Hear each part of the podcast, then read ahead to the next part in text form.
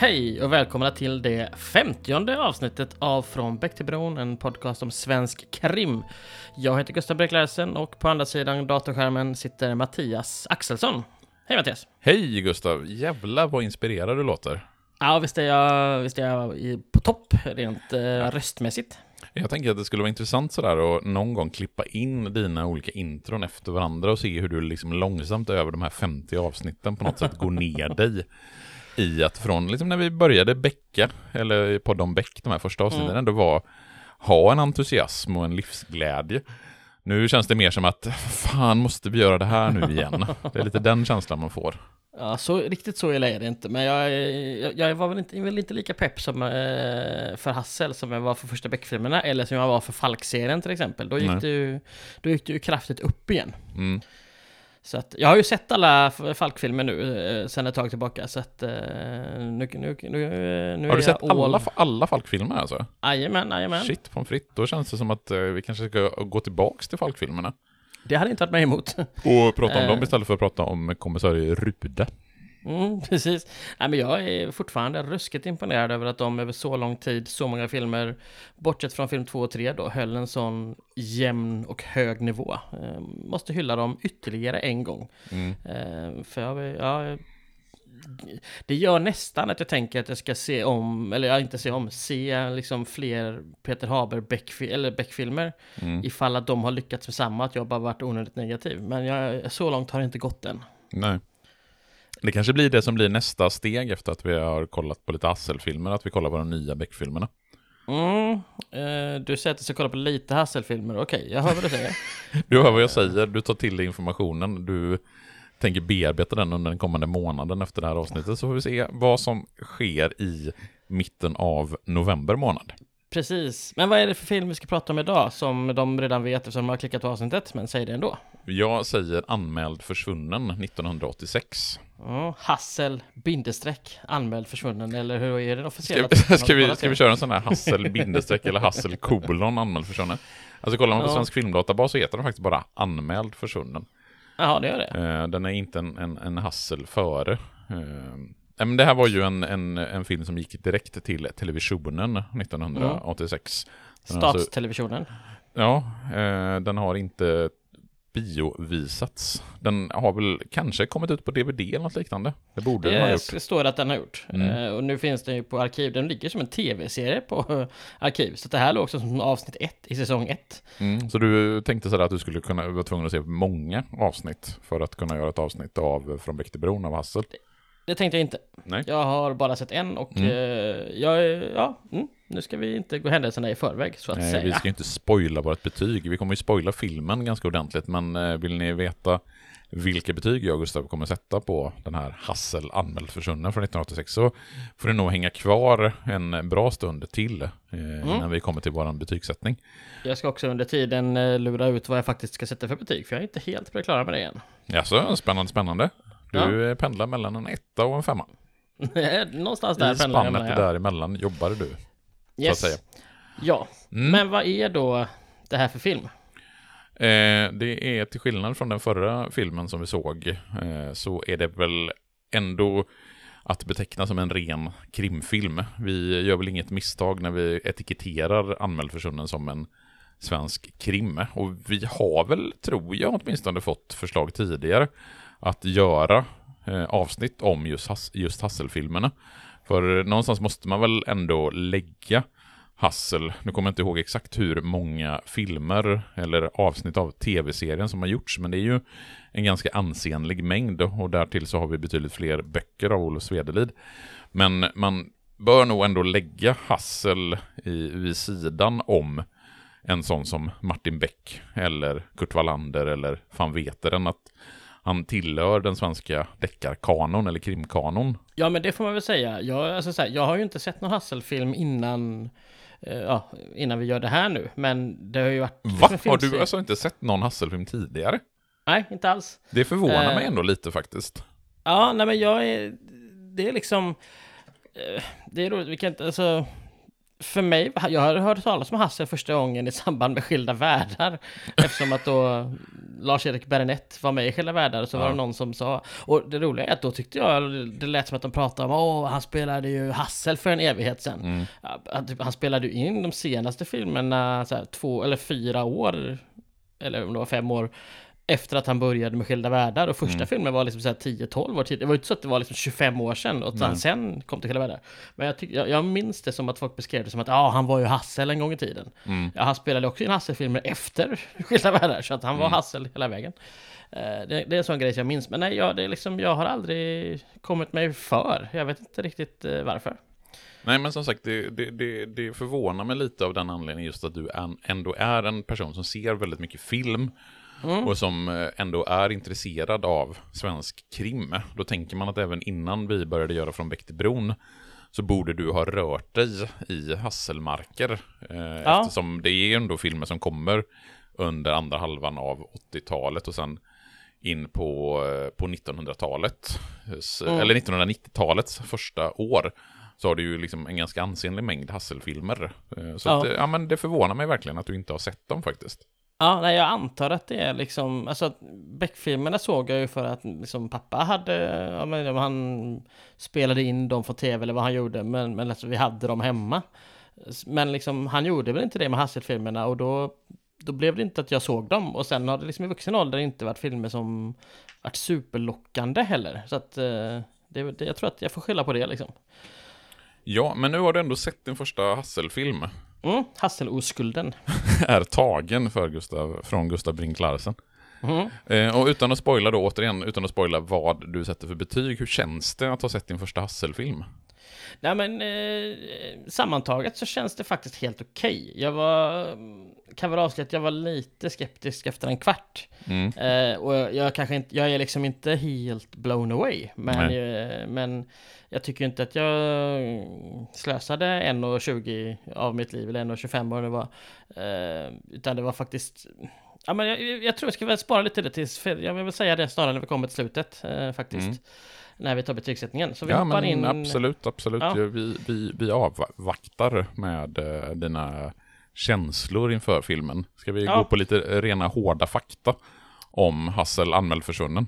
Ja, den är från 1986 uh, och en SVT-film då som du sa, inte någon, uh, inte någon biofilm. Um, regisserad av Lars Lennart Forsberg. Vad har du på Lars Lennart Forsberg? Ja, alltså gå in och kolla på på Svensk Filmdatabas så verkar det ju som att det är två olika personer som har skrivit manus respektive den som har regisserat. Så står det som en Lars Lennart Forsberg och sen så står det som en Lars Forsberg på Svensk Filmdatabas, men det är alltså samma person. Ja, för det fanns ju en Lars Forsberg som också, som, ja, gjorde andra filmer. Ja, nej men alltså de... klickar du på länkarna på Svensk Filmdatabas om Lars Forsberg, eh, regissör och Lars Lennart Forsberg, manusförfattare till svensk, eller till Hassel anmäld försvunnen så hamnar du på två olika sidor. Men Aha. Eh, kollar man eftertexterna för... Ja, det är fel på Svensk Filmdatabas, utan det är en och samma person. För att tittar du på eftertexterna sen så står samma, det är manus och regi, ja. Lars Forsberg. Så att jag har ingenting på Lars Forsberg överhuvudtaget. Nej, inte jag heller direkt. Jag, jag kan ju se att han har regisserat här, Störst av allt, som väl var en dramafilm som med Sven Wollter och några till liksom. Men jag har inte sett den. Eh, och i övrigt är det ingenting jag känner igen. Ja, Tuppen har han skrivit manus till. Mm. Eh, den är väl hyfsat känd. Med Magnus Härenstam eh, Precis, Lasse Hallström-film. Mm. Eh, Nej men alltså det, det, det, som är intressant här ur, ur manussynvinkel, det är ju att den här filmen bygger på en roman av Olof Svedelid. Mm. Det är väl egentligen det som är mest relevant eh, ur, ur det perspektivet. Har du någon relation till Olof Svedelid överhuvudtaget? Ja, Olof Svedelid för mig är Bränn borgarna. Åh, oh, eh, underbart. Alltså, ungdomsromaner. jag vill minnas att det var en ungdoms... Alltså en serie. Mm. Eh, jag vill minnas att det var någon i den som hette Jösse med J. Jag tyckte det var roligt. Eh, eller något i den stilen. Eh, men det är Olof Svedlid för mig. Sådana ungdomsromaner. Jag läste dem i samma, samma veva som jag läste Åshöjden-böckerna och även några så här hockeyböcker som jag tror var lite mer moderna alltså mm. på 90-talet då. Det är Svedlid för mig. Ja, nej men det är ju samma eh, relation som eh, du har till Olof Svedlid som min före detta Kungar och krig-kollega hade till Olof Svedlid. Eh, Hamid berättade, jo, men han berättade Hamid i ett, när vi pratade om tror det var 1500-talet där, eh, just Brännborgarna och hur de böckerna fångade hans intresse för historia. Eh, och Ah, att de är liksom såna här klassiska ungdomsromaner. Men Olof Svedlid, han är ju en extremt produktiv författare, kan man ju bara konstatera. Det finns ju få författare som på något sätt mer personifierar det här att ha författarskapet som ett yrke snarare än som ett kall än eh, vad Olof Svedlid gör. Ja, du hade någon siffra på hur många böcker han faktiskt ska ha skrivit.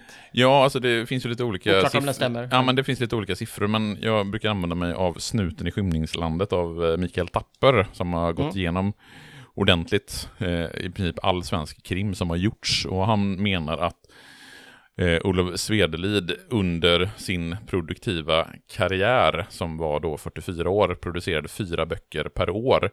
Och att han 2007 var uppe i 184 boktitlar totalt. Vilket bör göra honom till en av Sveriges mest produktiva författare. Jag kan inte sätta någon absolut lista här över, men det är Nej, ju nej, svårt att se att någon, någon skulle slå honom på fingrarna med just den höga produktionstakten som han ändå har haft. Eller hade. Han är ju, lever ju inte längre. Ja, han dog ju 2008. Men Det finns ju någon kvinna som jag inte minns namnet på nu. Jag minns inte vad hennes serie heter. Men hon har ju skrivit en sådär ohemult mycket böcker också. Men de har väl också varit på så här 200 sidor, hennes böcker. Mm. Så liksom, det, det hade, och så kom det fem om året. Mm. Så att, och egentligen var det så här, okej, det, det kanske skulle vara en tjockare roman. Och du hade låtit de här fem böckerna bli en roman och så hade du jättelite tid så Mm. kanske det hade blivit en 800 sidors roman på fem år istället.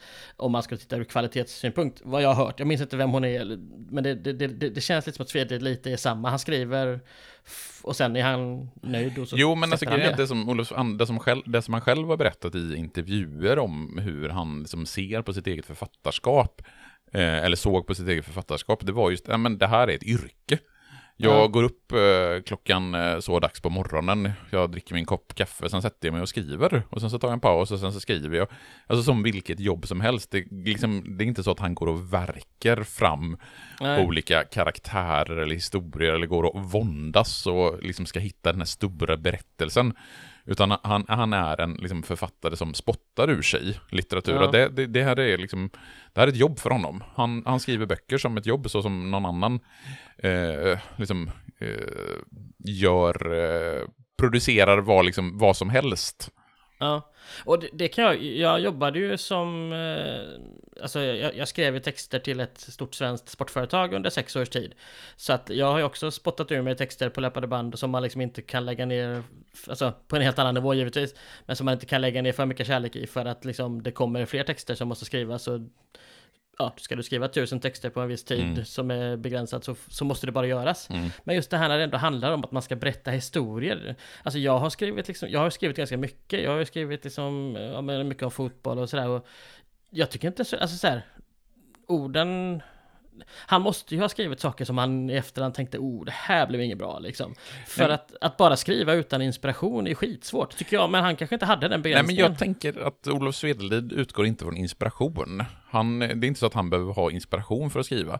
Han har en historia och så, så skriver han den berättelsen. Sen, Ja, men någon gång måste ju historien komma till honom på något sätt. ja, Alltså, fast det- jag, jag ja. tänker sådär, det är inte så att han verkar fram en historia, utan han kommer på en historia, sen håller han sig till den. Det är inte Ja, så att det måste vara liksom okej. fem plus varenda gång. Nu har jag ju faktiskt, som du vet, läst romanen Anmäld försvunnen från eh, tidigt Ja. 1970-tal. Och jag kan ju säga att det är ju fan inte den bästa bok jag har läst. Det är ju en eh, klassisk bladvändare på det sättet att det ja, men han, han är ju liksom, han är en duktig yrkesman, Olof Svedelid. Det kan man inte ta ifrån honom. Han, han, han är liksom en habil skribent. Men det är ju liksom, det når ju fan ingen eh, större, inga större höjder. Det är ju inte så att jag skulle sätta mig och läsa igenom alla hans böcker för att jag nu har läst Anmäld försvunnen. Den är liksom, den, den är helt okej. Ja, är han en författare som spottar ut sig liksom av tio böcker så är sju stycken får två eller tre betyg och en, två får etta men också en går upp och får en fyra liksom. Så skulle Alltså så det kunna vara, nu har jag ju bara läst Anmäld Ja. försvunnen så jag ska inte recensera Ja. hans övriga böcker. Men det är liksom, Ja, det är det är liksom ett hyfsat hantverk. Eh, Okej. jag, ty- alltså, den, den är inte, den, jag tycker att den är lite kackig, eh, helt ärligt. Okej. Sen ska man komma, den är ju skriven då i, jag tror, jag tror att boken kommer 1972. Och den, är ju, den har inte åldrats jätteväl. Det ska ju Ah, okej. ärligt sägas vad det gäller liksom kvinnosyn och eh, hur, hur Olof Svedelid liksom beskriver sina karaktärer och vidare. Och det är bitvis ett ganska sådär, vad ska man säga, förutsägbart språk och historien följer ju väldigt tydligt den som vi kommer att se här i filmen. Och Mm. det, är inte, alltså det är inte en jätteintelligent historia, det är ju en ganska straightforward berättad. Det är, så, ja, men det är ett spelsyndikat, det är någon som försöker liksom uträtta spelsyndikatet, det är ett par poliser som försöker lösa några mordfall. Ja, that's it liksom. Ja. Det finns ju inte den Men- här, det finns ju inte den här inlindade samhällskritiken som finns i eh, Sjöwall Wahlöös böcker, som förvisso kan vara nog så eh, tråkiga, men det, det finns ju ändå någon typ av verkshöjd i eh, Sjöwall Wahlöös gnällande över Stockholms utveckling och hur illa det går med sosse-Sverige, den här socialfascistiska staten vi hade i Sverige under 60 och 70-talet. ja, enligt dem ja. Nej, det var rent objektivt. Det, Ja, objektivt, eh, det är från Bäck till Brons eh, officiella, hållning. ja. Men, men de här böckerna skrev han själv? För han har ju skrivit mycket med andra. Han har skrivit jättemånga böcker med Leif Silbersky till exempel. Ja, han, är det med Leif Silbersky han skrev den här Rosenbaum-böckerna som precis. också har filmatiserats för övrigt.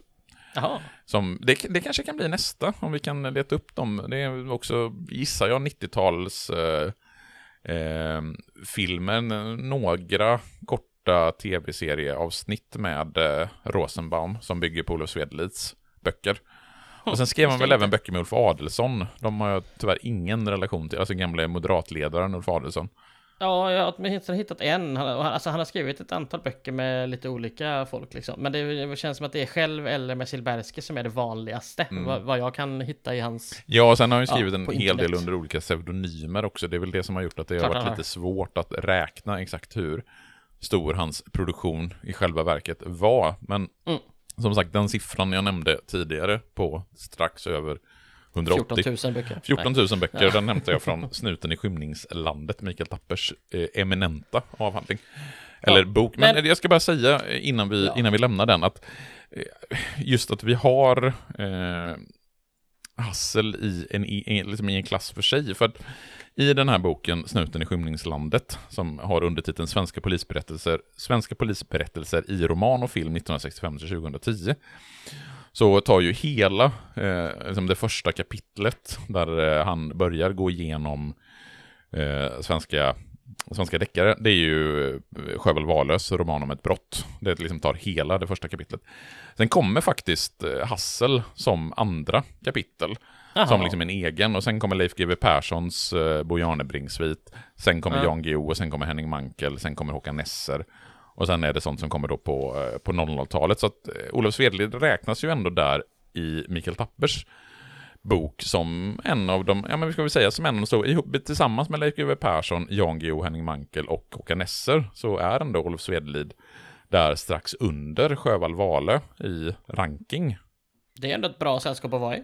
Ja, det får man väl ändå säga. Och då lägger väl han Ja, inte... det var några- helt oironiskt. Ja, nej men det, och det, jag tror inte att han lägger liksom några kvalitetsmässiga eh, värderingar i det här, utan man får ju ändå krasst konstatera att Olof Svedlid är en av, liksom, han, han är en av de mest produktiva och också, som jag läste mig till, en av de mest utlånade svenska författarna under 1900-talet på svenska bibliotek.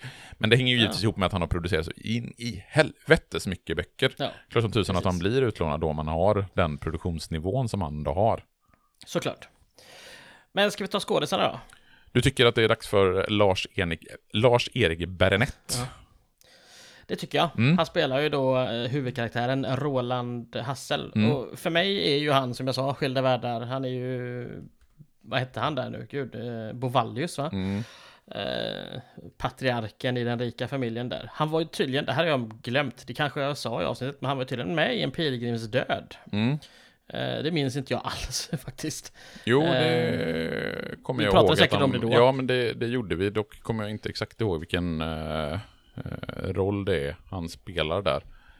Nej, inte jag heller. Men han jag spelar for, en, någon karaktär som heter Forselius i En pilgrims död. Ja. Visste du att jag, Men- näs, att jag nästan är släkt med eh, Lars-Erik Berenett? Oh, berätta. Eh, eller så här, jag är inte alls släkt med honom egentligen. Det är nämligen så att Vem, vem misslyckades att ligga med vem? Så här, min sambo, eh, blivande frus, Eh, styvpappas. Ja, det har inte kommit en inbjudan här. Jag... Nej, det kommer, eh, till alla som är Mm. Patreons på Från Bäck till Bron Ja. kommer att bli inbjudna till vårt bröllop. Ja, bra. Nej, min eh, sambos eh, styvpappas moster är... helvete. nej, inte moster, eh, vad ska vi säga? Eh, vad blir det då? Morbror blir det inte moster. Morbror är då Lars-Erik Bernett. Din sambos Styvpappa. styvpappas Ja. morbror. Så att, eh, Okej. det är inte så att min sambo är inte biologisk släkt med Bernett och jag är inte biologisk släkt med min sambo heller. Så att det är väldigt, Säker? väldigt långt bort. Så kan vi kanske Fast konstatera. eh, jag kan säga att det är närmare än vad jag trodde att det skulle vara. Eh, Nu är han ju död tyvärr då, Mm. Lars-Erik, så att eh, det har inte så mycket nytta av det. Men, eh, nej det var, okej. Ja, men det är ändå, det är ändå Ja. liksom inom, eh, inom armlängds avstånd. Det är inte så många steg på den här Kevin Bacon-skalan ändå. Nej men det är ändå en 50, 60, 70, 80 års fest så skulle man kunna mötas liksom. Ja, eh, Alltså, givet att eh, liksom stjärnorna står rätt så skulle det kunna vara så. Nu blir det som sagt svårt för han är död. Mm. Eh, Har vi sagt att Han han, har ju- sagt att han är död? Ja, han, jag tror det. Eh, han, han är i alla fall, han är död. Mm. Han var ju, för övrigt, den tillhörde ju den här eh, någonstans göteborgska vänsterteatergänget från 60 och 70-talet med namn som Roland Jansson och Anders Lönnbro och liknande. Även om det kanske inte är det vi förknippar honom främst med Nej, idag. det gillar man ju, Ja, man- men inte alls något jag, alltså, han, han känns ju inte som den typen. Nej, verkligen inte. Men det kanske är bara att jag har Bovallius i huvudet på honom. Nej, men alltså, vad sån. tänker man att det är eh, Hassel och Bovallius som är Lars-Erik Lars Erik Berenett eh, så liksom eh, lägger sig till eftervärlden så tänker man absolut inte nu vet jag inte om han var, liksom hade partibok i KPMLR eller om Nej. han bara liksom rörde sig i den kretsen. Nej. Men eh, där var han enligt Ja. uppgift. I, I krimvärlden har han i övrigt varit med i Polisen i Strömstad, han har varit med i Wallander, han har varit med i Van Veteren, eller Van Veteren, eller hur det ska Mm. uttalas. Eh, Van, van Veteren. Ja, Van Veteren. Så vi kan nog komma och se honom igen om vi skulle hitta in på de serierna slash filmerna. Ja, det kan mycket väl vara så att det blir så. Kommissarie Ruda spelas av en Jan-Erik Lindqvist som jag inte har någonting på, men han var tydligen med i, i lagens namn. Mm. Eh, dock, eh, det nämns, nu kollar jag på Wikipedia, det nämns på hans Wikipedia-sida, men går man in på i lagens namns Wikipedia-sida så står inte han med, så så stor roll verkar han ha haft i den serien. Eh, Jag tycker, att, jag ja. tycker att du glömmer att han är med i Rosanna från 1967. Alltså Ja, the original Rosanna som jag... Den har jag i och för sig sett faktiskt. jag har sett den, men jag kommer Ja. fan inte ihåg mycket av den kan jag säga. Nej. Han är också med, shoutout, i den filmen Ni ljuger, som jag fortfarande inte har fått tag på. Den filmen med Smögen i, som jag efterlyste här för några, någon månad sedan eller tre. Ja, du kan väl göra en Eh. liten, en liten utskrikning här igen och se om det är någon som kanske kommer Om, om någon har eller vet vad man får tag i filmen Ni ljuger från 1969, som ju då har bland annat våran, eh, eh, vad heter han ju, Skandiamannen, eh, ah, Stig Anna Engström. Holt, Stig Engström, tack, Mm. i huvudrollen. Eh, Den filmen vill jag se och har fortfarande inte fått tag på den. Så känner ni någon eller vet ni hur man får tag på den, mejla franbäcktillbron.gmail.com Yes, men eh, ska vi fortsätta med eh, poliser? Ja, Simon Palm eh, spelas av Björn Gedda. Har Mm. du något på Björn Gedda? Förutom hans eminenta frisyr. Och att han har ett roligt efternamn. Det är roligt. Eh, för mig är han ingen alls. Eh, så, så det är inget namn jag känner igen. Jag ser att han har gjort väldigt, väldigt mycket. Eh, bara en hel del är andra Hassel-filmer. Ja, på, Men, eh, på 60-70-talet så turner, turnerade han runt med en fri teateruppsättning tillsammans med eh, Henning Mankel. Fan, det det var en Fan, koppling du till hittar de här tidig, detaljerna från... Ja, det, det gillar man också. tidig svensk eh, krimkoppling där mellan eh, Björn Gedda och eh, Henning Mankel. Ja, ja det kan man ju inte bli annat än glad över. Nästa namn är väl ändå eh, ett Det namn. har vi något... eh, Där har vi det. Det är ju Svensson Svensson. Mm. Alltså Allan Svensson. Ja, Som spelar Sune Bengtsson i den här, eh, ja, i den här då så att säga. Och det måste väl, är är Allan Svensson någon annan än Svensson Svensson-pappan för dig? nej men han kan ju inte vara någon annan än Svensson Svensson-pappan. Eh, dels på grund av, givetvis, den, alltså tv-serien Svensson Svensson som inte gick i så jävla många avsnitt på 90-talet. Men sen har ju den blivit, liksom många andra sådana som Kalanka och Karl-Bertil Jonsson, blivit en institution på julafton. Gud ja. Eh, med Svensson eh, Fira jul, eller vad den nu heter. Den som eh, sänds lite då och då fram och tillbaks på olika dagar. Men nu har den väl permanentat sig under ganska lång tid på julaftonskvällen. Alltså, jag, nu, nu, jag är inte säker på att den gick före julafton, men det kanske den gjorde. Eh, för jag vill minnas att jag kollade schemat och bara, hmm, inga Svensson Svensson.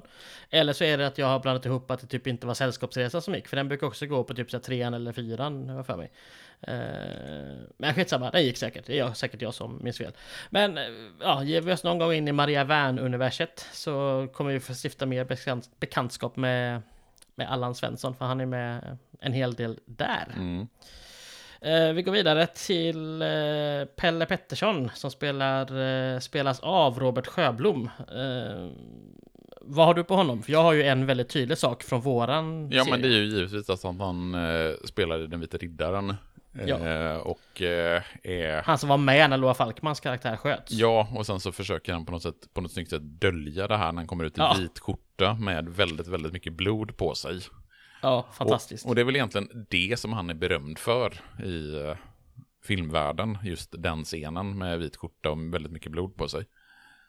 alltså det kanske är det. Ja, nej det är det Ja. inte, men nej, jag tror att han, eh, att Robert Sjöblom är också en sån här, jag tror att om många, åtminstone i min ålder och kanske något äldre, faktiskt förknippar honom med den här rollen i Hassel. För man ska, ju säga, så. man ska ju säga det att de här karaktärerna som vi räknar upp nu, det är ju personer som sen kommer att återkomma i de eh, liksom, kommande Hassel-filmerna. Det här är ju liksom namn som sen Liksom, de, ja men de blir eh, ett, ett, ett crew, ett gäng som likt eh, Gunvald Larsson eller Lennart Kollberg eller Benny Skacke för den delen återkommer i de fortsatta Hasselfilmerna, för det blir ju ganska, ganska bra många Hasselfilmer. Så Pelle Pettersson, Sune Bengtsson, Simon Palm, kommissarie Ruda Roland Hassel, det är ju karaktärer som man får stifta ytterligare bekantskap med om man tittar på de fortsatta Hasselfilmerna. Mm. En som vi däremot inte får se mer efter den här filmen är ju Kenneth Häger som spelas av en viss Torsten Flink. Ja, det kanske vi ska vara jävligt tacksamma för att vi slipper se mer av honom. Ja, Torsten Flink är ju mest känd för att han är Torsten Flink, skulle jag vilja påstå. Har du något annat att säga till om det? Jag eh, tycker att han är mest känd för att, för att han har spelat in en coverplatta med Björn Afzelius låtar. Det, tycker man inte, det ska man inte ta ifrån honom. Jag är inte sjuk, inte sjuk. Nej, jag är inte sjuk, inte sjuk. Jag är bara trött, så oändligt trött. Men jag är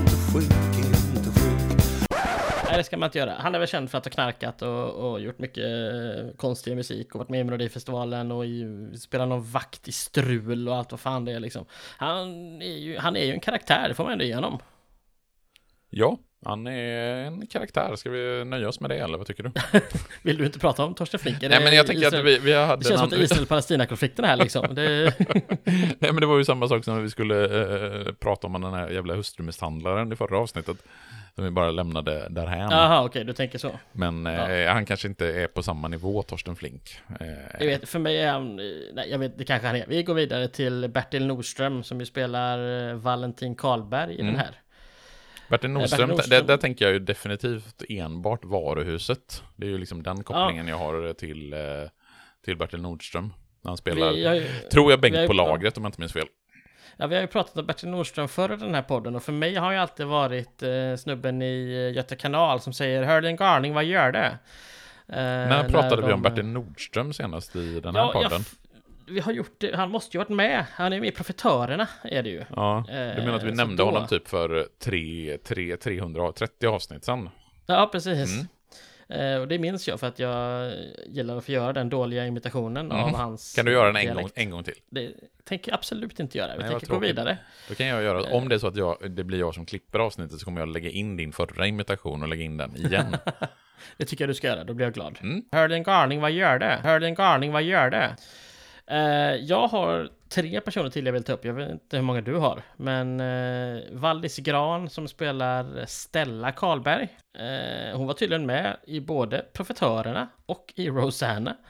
Eh, Ja, det kommer man ju inte ihåg, men däremot så kommer man ju definitivt ihåg henne från Rederiet. ja, det är väl det som är hennes claim to fame. Ja, alltså det är ju ett jätteclaim to fame skulle jag säga. Eh, I... Eh, när de spelar Gerd i Rederiet. I, Så heter hon, nere ja. i Kallskänkan där. Hon är ju en... eh, Jag vet inte hur många... Hon är inte med i jättemånga säsonger, men hon är ju ändå en person som jag väldigt, väldigt tydligt minns. Nu var jag ju en av de som tittade på Rederiet slaviskt, åtminstone i början, jag tror att jag sagt det i podden tidigare, så, så Wallis Gran som Gerd i Kallskänken, det är ju en, eh, ett ansikte som man aldrig kommer att glömma. Nej, jag, det är därifrån jag har den också. Jag, hon, eh, men Rosanna minns jag vet inte. Kan hon vara... Nej, är hon servitrisen? Nej, hon, ja, ja, ja, nej, hon är den servitrisen som jobbar uppe i Katarina-hissen. Ja, det det, hon är det Ja, när Beck kommer ja, upp precis. där uppe och ska prata. Hon jobbade tillsammans med Rosanna på, eh, Så, på Diana. Nej, hon jobbade på, tillsammans med, nej, inte med Rosanna, för Rosanna jobbade inte där, men hon jobbade på Hon jobbade på, på båten. båten när Rosanna var på båten. Precis. Mm, så var det. Rätt ska vara rätt. Ja, ja, ja. Eh, ja. Ser vi Wallander så finns hon i någon film där framöver. Vi får se om vi, om vi någonsin Om vi kommer dit. Om vi kommer dit. Om ja. vi kommer dit. Charlotta Larsson spelar Ragnar Karlberg. Hon mm. var tydligen med Johan Falk, Tyst diplo diplomati, som jag har sett, men eh, minns inte det alls. Eh, spelas av Charlotta Larsson, sa jag det? Det kanske jag sa. I så fall sa jag det igen. Mm. Eh, hon är ju eh, dotter till Erland Josefsson bland annat, vilket ju är bara det ett claim to fame, ska jag mm. väl påstå. Eh, och, och den sista jag vill, eller förlåt. Nej, det var, jag tänkte bara Nej. säga att nu ska du få säga din sista karaktär som, eller skådespelare som du vill ta upp. Ja, det är en väldigt liten roll i den här filmen. Men det är ju, och hon står bara krediterad som sköterskan, vad jag kan se. Men hon är ju med i extremt många Hassel-filmer senare och då verkar hon heta Verena. Mm. Eh, så jag gissar ju att hon och Hassel blir tillsammans. Mm. Eh, med tanke på hur mycket de flörtar i den här filmen.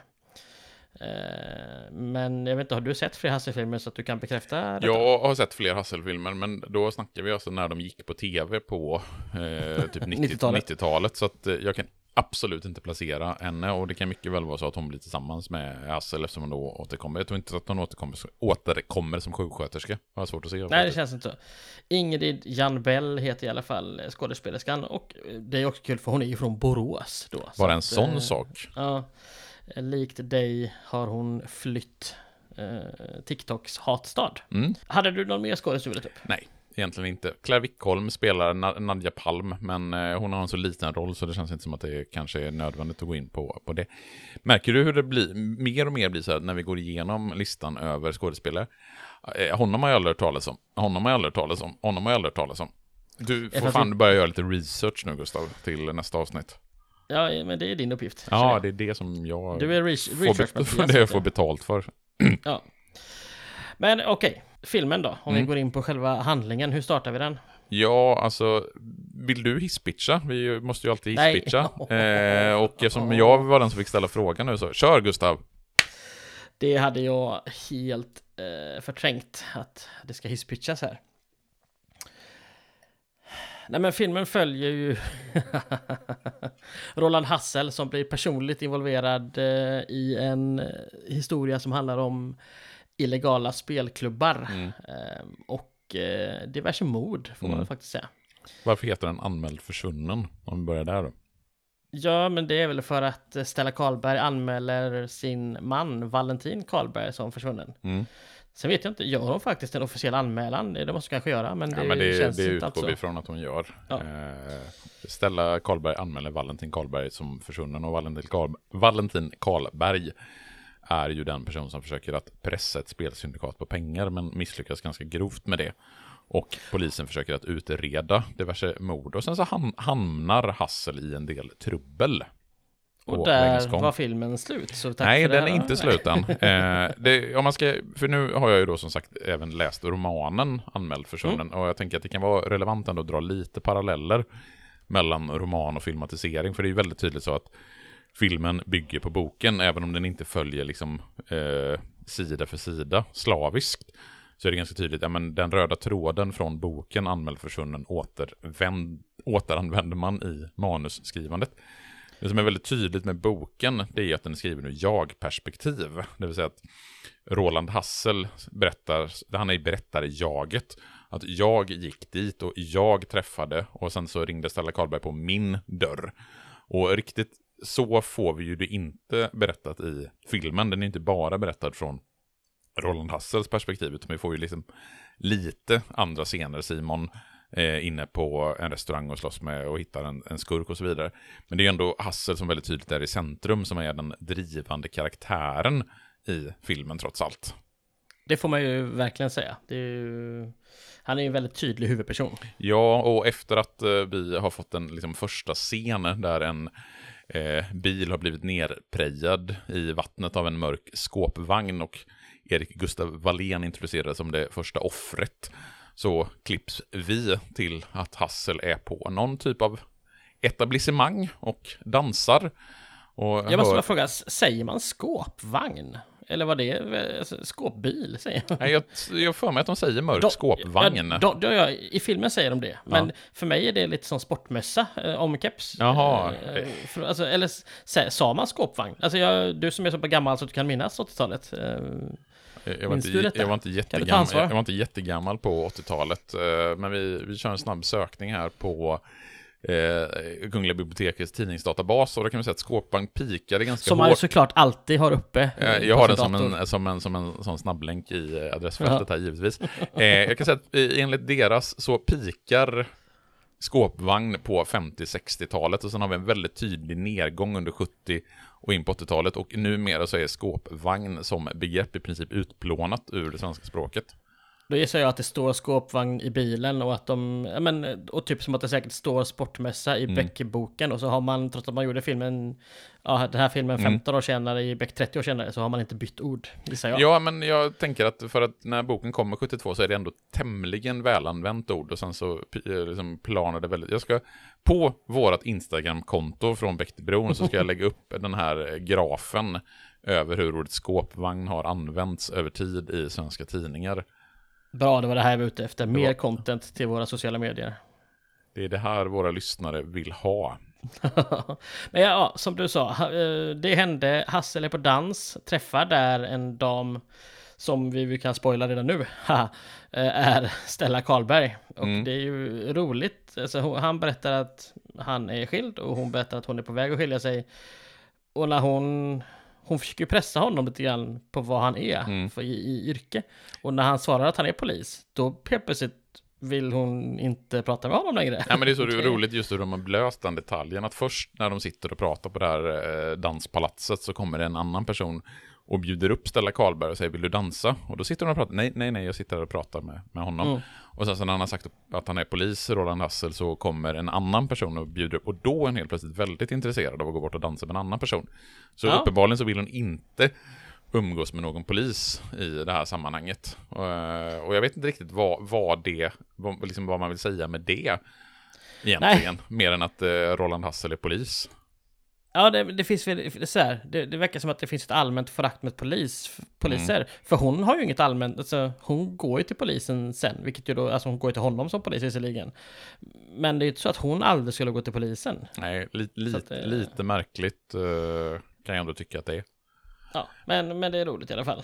Vi går vidare till, eh, ja, men till polishuset och det här, här får vi träffa hela då polis, eh, polisgänget. Eh, Jag blir ju här introducerad till, till gruppen bestående av eh, kommissörer Ruda, Simon Palm, Sune Bengtsson, Pelle Pettersson och Kenneth Häger. Och Roland Hassel har vi ju redan stiftat bekantskap med. Och här i polishuset så blir vi också introducerade till det som väl är själva motorn i historien, just den här illegala spelklubben. För Mm. det är ju kampen mot den här organiser- de här organiserade spelsyndikaten som på något sätt blir polisens drivande uppgift att lösa.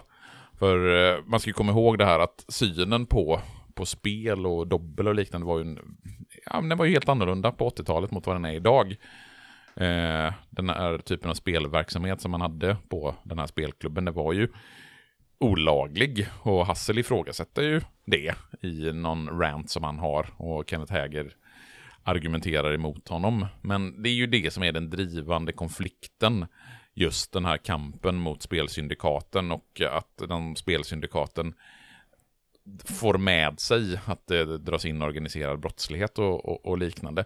Och när de sitter här så får ju Hassel dambesök. Och vem är det som dyker upp då som gumman i lådan? Ja men det är ju samma Stella, Stella Karlberg då från dansen ja, kvällen innan får vi väl anta att det var. Sicken slump att hon kommer Ja, här. Verkligen. Och hon vill ju då anmäla, vad var det, så här, min väninnas man är borta och Mm. Hassel bara, nej det är din man som är borta. Det förstår jag ju liksom. Ja, men han är ju en skillad Eh, polis, vet du, så han, eh, läs, jajamän. han läser ju henne väldigt tydligt där. Ja, hon var ju så svårläst också. Eh, men hon säger ju då att min man Valentin Karlberg är borta i princip. Och Hassel går ju då ja, efter en liten stund tillbaks in till rummet med de andra poliserna och dyker in precis när namnet Valentin Karlberg nämns även där. Mm. Och kan man ju då dra och, hmm, det här det här hänger ju då ihop på något sätt. Och Ja. ju, ja. Ja, men Valentin Karlberg är borta, för det har ju Stella Garberg sagt. Eh, Han är försvunnen. Mm. Och Valentin, Valentin Karlberg är ju också föreståndare på den här illegala spelklubben som eh, polisen har bevakning på och som polisen försöker komma åt. Så att här liksom får vi någonstans en setup för vad det här kommer att handla om. Att Mm. det är den här spelklubben, den illegala, och Valentin Karlbergs försvunn- försvinnande som är den röda tråden igenom hela berättelsen. Ja, men sen får vi ju, för oss är han ju inte försvunnen hela tiden. För det är väl typ nästa scen så får vi ju träffa vad vi inte då vet är Valentin Karlberg, men man kan väl ändå ana att det är Valentin Karlberg. Han går ju in på ett hotell, antar jag att det är, med världens sunkigaste receptionist där. alltså, Satan vilket- vad han inte vill vara där. Alltså vilket, vilket jävla runkhotell det där måste vara. Alltså, Ja, det är... Ja. Men för jag, jag tänkte, alltså, in, innan vi kommer in på, på, på att jag får säga runkhotell flera gånger. Eh, Ja. Gör du direkt kopplingen till att det här är Valentin Karlberg? Nej, inte 100% men, eh, men man kunde ju anat. Men det är inte så att jag tänkte, oh, här är Valentin. Nej. Nej, för För jag, att han, jag, ser inte, han ser inte ut som en Valentin. han ser inte ut som en, en som heter Valentin Karlberg. Nej, för jag, jag hade ju kollat rolllistan tidigare, så jag visste ju att eh, det här, att eh, Bengt på lagret skulle vara Valentin Karlberg, så jag gjorde ju den kopplingen. Så jag bara funderade på om det är uppenbart att, eller så här, så som man klipper, för jag kollade om den scenen sen när jag eh, snabbspolade igenom filmen en andra gång. Så säger de ju Valentin Karlberg och sen klipper de ju ganska direkt till honom. Ja, så det är ju ganska uppenbart att det är Valentin Karlberg. Och han, med den här runkgubben som sitter på det här runkhotellet så vill han ju ringa ett samtal. Och eh, pratar där i telefon från sitt rum, han vill ha några upplysningar och sen så vikar han ihop någon typ av papper. Så man vet, fattar ju här att Valentin Karlberg på något sätt han har någonting på gång. Han håller sig undan för att han, han har någon typ av upplysningar och det här pappret som han viker ihop där det är han har någon typ av information som kanske inte är helt hundra för honom, men han kommer att försöka använda sig av den. Um, Hassel bestämmer sig sen för att åka hem till familjen Karlberg. Ja, Ehm. familjen, jag vet inte om det är familjen Karlberg så mycket som att det är fru Karlberg han är ute efter. Nej men, ja. Nej, ja, ja, nej, men det är deras, deras lägenhet. Ja, Ehm, och här blir det ju någon form av eh, missförstånd. För det, det kommer ju någon kille som ska hota Valentin. mm, Ehm, och han hotar ju då såklart istället eh, Hassel. mm. Eh, och vad säger han någonting? Vi vill ha... Vi vill ha papperna papp- innan Williams kommer. Ja, Så, här, Williams internationellt. ja, Williams. Mhm. Vi, nej men någonstans förstår vi ju här att de papperna som Karlberg suttit och smusslat med där på sitt hotell, det är ju papper som den här eh, polacken som det visar sig vara sen är ute efter. Men Mm. han blandar ihop eh, Karlberg med Hassel eftersom Hassel följer med fru Karlberg hem. Eftersom fr- eh, Hassel är ute efter information om vad, vem Valentin Karlberg är. Och han, får han får ju veta att han jobbar på en kolon- kolonialvarufirma hos någon som heter Holst. Han tar även Valentin Karlbergs pass. Så det är inte jättekonstigt den här Nej, sant. eh, gorillan tror att det är Hassel som är Karlberg. Så det utbryter ju någon typ av slagsmål dem Vad tycker emellan. du om det slagsmålet? Ja, jag eh, tycker ju att överlag så är just actionscenerna kanske inte det som lyfter den här filmen om jag ska vara snäll. Nej, för mig känns det verkligen som att det, det är som att de, de gör scenen så länge det är prat och sen är det okej, nu ska det gå över till fight och då är det liksom precis innan det ska slåss så är det ett klipp och så klipper man in dem lite för tidigt så att man Mm. märker att okej, ja, du stod still och väntade på ett liksom tagning och sen började du röra dig. Det är verkligen som att, ja men, Mm. Nej, men också, sen är det är ju... dåligt filmskapande. Ja, inte bara det, utan ljudläggningen på de här slagsmålscenerna är ju riktigt pajig. Alltså de, de när, när, när en knytnäve ska träffa en haka så är det ju som att, ja men det här är ett eh, videospel från 1986. Som vi sitter och tittar på. Det är... Ja, vi får inte de här gamla Batman kapow, men det är nästan liksom. Ja, det är inte fan inte långt ifrån alltså. Nej, frågan är om det inte hade varit bättre. Ja, man, man hade ju önskat, eh, Ja. önskat det. Men, Men, eh, eh, Hassel får väl inte tag på den här snubben, han lyckas väl fly Ja. eh, i alla fall. Mm. Bara så här, i, vid den här delen av filmen, tycker du liksom att gubben Valentin Karlberg känns som en, oh det här är en spelsyndikatsnubbe? Nej, han känns ju som eh, någon som heter Bengt och jobbar på lagret i varuhuset. Jag skulle säga att den här känns han som någon som heter Lars och jobbar på ett kontor. Eh, men inte som att han eh, har high life på något jävla... Nej, man känner ju inte Ja, som nej. att han är riktigt castad för rollen som Valentin Karlberg. Man ska ju komma ihåg att i boken eh, Anmäld försvunnen så är ju faktiskt Valentin Karlberg eh, frånvarande genom hela boken. I och med att boken berättas helt ur Hassels perspektiv så kan de ju inte plocka in Karlberg, eftersom Karlberg, eller Valentin Karlberg, eftersom han inte möter Hassel överhuvudtaget. Så det är ju Nej. liksom någonstans berättartekniskt omöjligt att introducera Valentin Karlberg om inte Hassel möter honom. I filmen går Ja. det ju att göra det på ett annat sätt. Ja, Och jag vet inte fan om jag tycker att filmen lyfter av det, för jag tycker verkligen som du att Valentin Karlberg känns inte som en person som håller på med den här typen av business som man ändå gör i filmen. Ja, men det hade väl nästan varit bättre om han var en mystisk karaktär som inte... Alltså att, ja men... Han, för han är ju hemma här sen och, och ska leta efter sitt pass som ju då eh, Hassel har tagit. Mm. Jag har nästan tyckt det var bättre om den scenen, alltså att Stella kommer hem och märker att någon har varit där. Ja, för det blir lite Kanske, så, nästan, alltså, det blir typ nästan så. lite clownigt. När Ja. han, "Eh, kontakta inte polisen. Nej, säger han. precis. Och han beter sig i den situationen. Han ska leta, han, det blir nästan lite farsartat Ja. i hur han, hur, hur han är. Att han är väldigt valpig och han har inte koll på saker och ting. Så att jag hade absolut tyckt det var bättre om han hade skrivit ut Valentin Karlberg ur liksom, början på filmen åtminstone. Och att Ja. ställa, ja, men hon hade upptäckt att pass, hon hade upptäckt att Valentin hade varit hemma men man hade inte sett honom vara hemma. Så att han Exakt. fortfarande, lite som du säger, ja, men han hade varit den här mystiska gestalten. Lite Mm. som att Hajen-filmerna alltid var bättre så länge man inte såg hajen. När Mm. hajen fortfarande bara är under marken, eller under vattnet. Då är Ja, hajen mycket läskigare, under marken. Eh, det Ja. var på någonting, någonting annat. Eh, så är hajen mycket läskigare än när man faktiskt ser hajen. Lite samma sak Det med är- Valentin Karlberg. Ja, det är lite som, nu, nu minns jag inte exakta minutantalet, men en av mina absoluta favoritfilmer är ju Jurassic Park och jag får för mig att det, den är två timmar lång-ish. Jag får för mig att det är, så här, det är 17 minuter dinosaurier med i den filmen, jag för mig. Alltså så här, kan att det var 13, kan vara 17, kan vara 20, men det är liksom Jämför det med de här senaste Jurassic World där det är dinosaurier i varenda jävla scen. Alltså, någonstans som någon filmkunnig sa till mig någon gång att liksom vi människor, ja visst det är coolt med dinosaurier, men det vi egentligen bryr oss om, det är de mänskliga historierna. Mm. Det coola med hajen är inte själva hajen, Nej. det är att det också är en jäkligt bra berättelse. Den handlar, alltså hajen är ju bara en del av den berättelsen, den handlar ju om människorna. Eh, och sen blir ju hajen läskig och cool, precis som att dinosaurierna blir läskiga och coola när man väl får se dem. Mm. Men de, less is more, Yngwie Malmsteen, less is more. You know, I don't want to just play it safe. So two string, it'd be three string, four string, five, six string arpeggios. But people kept on telling me to slow down. You know, I says, hey, slow down. I'm like, oh, oh. You know, remember, less is more. And I always said, how can that be? How can less be more? It's impossible. More is more.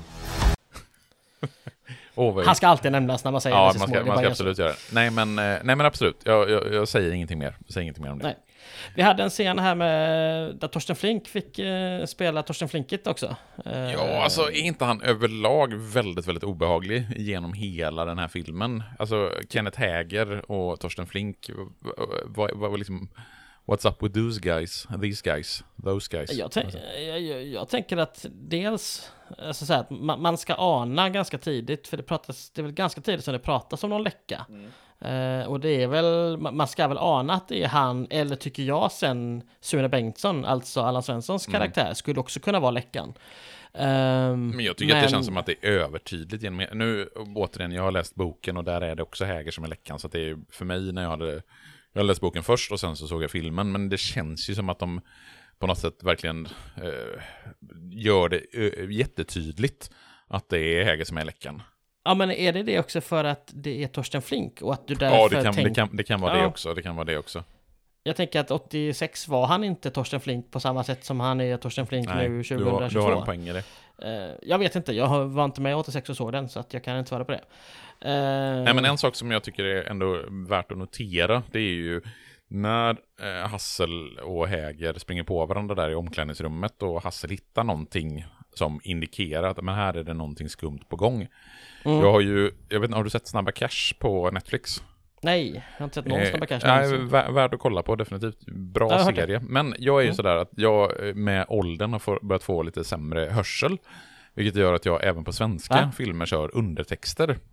Ja. Eh, och eh, kör man undertexter på, på Netflix så får man även det här eh, förstärkt med att de liksom skriver på undertexten vilken typ av musik.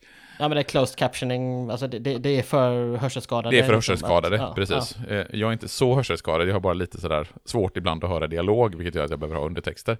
Ja. Men hade man haft den typen av undertexter på Hassel så hade det här stått ödesmättad musik när Hassel plockar upp den här som det sen, sen visar sig vara någon typ av spelmarker från den här Ja. spelklubben. För att musiken är ju ett kapitel för sig någonstans i, i Hassel.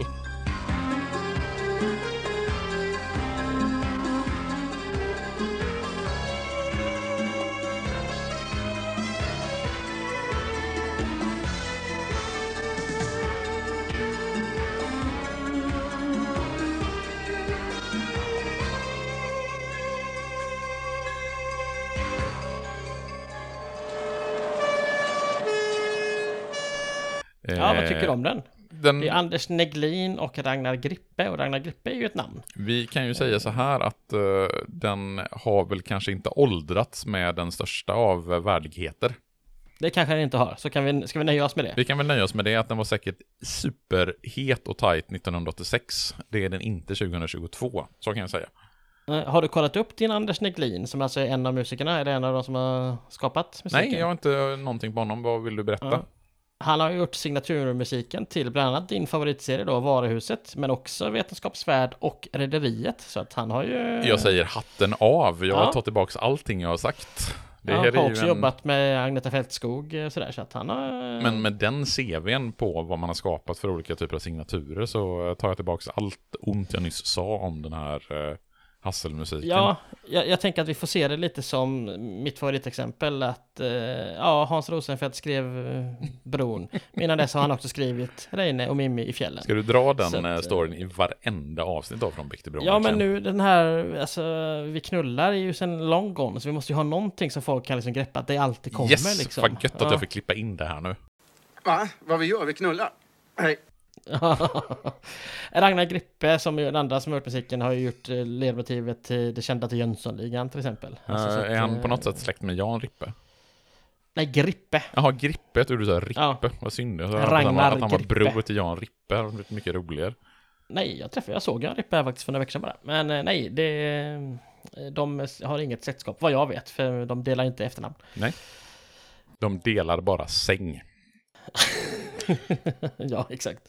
Ska vi tillbaka till filmen, var var vi? Du... eh, Vi var någonstans eh, i, i, i det här att eh, Valentin Karlberg är anmäld försvunnen.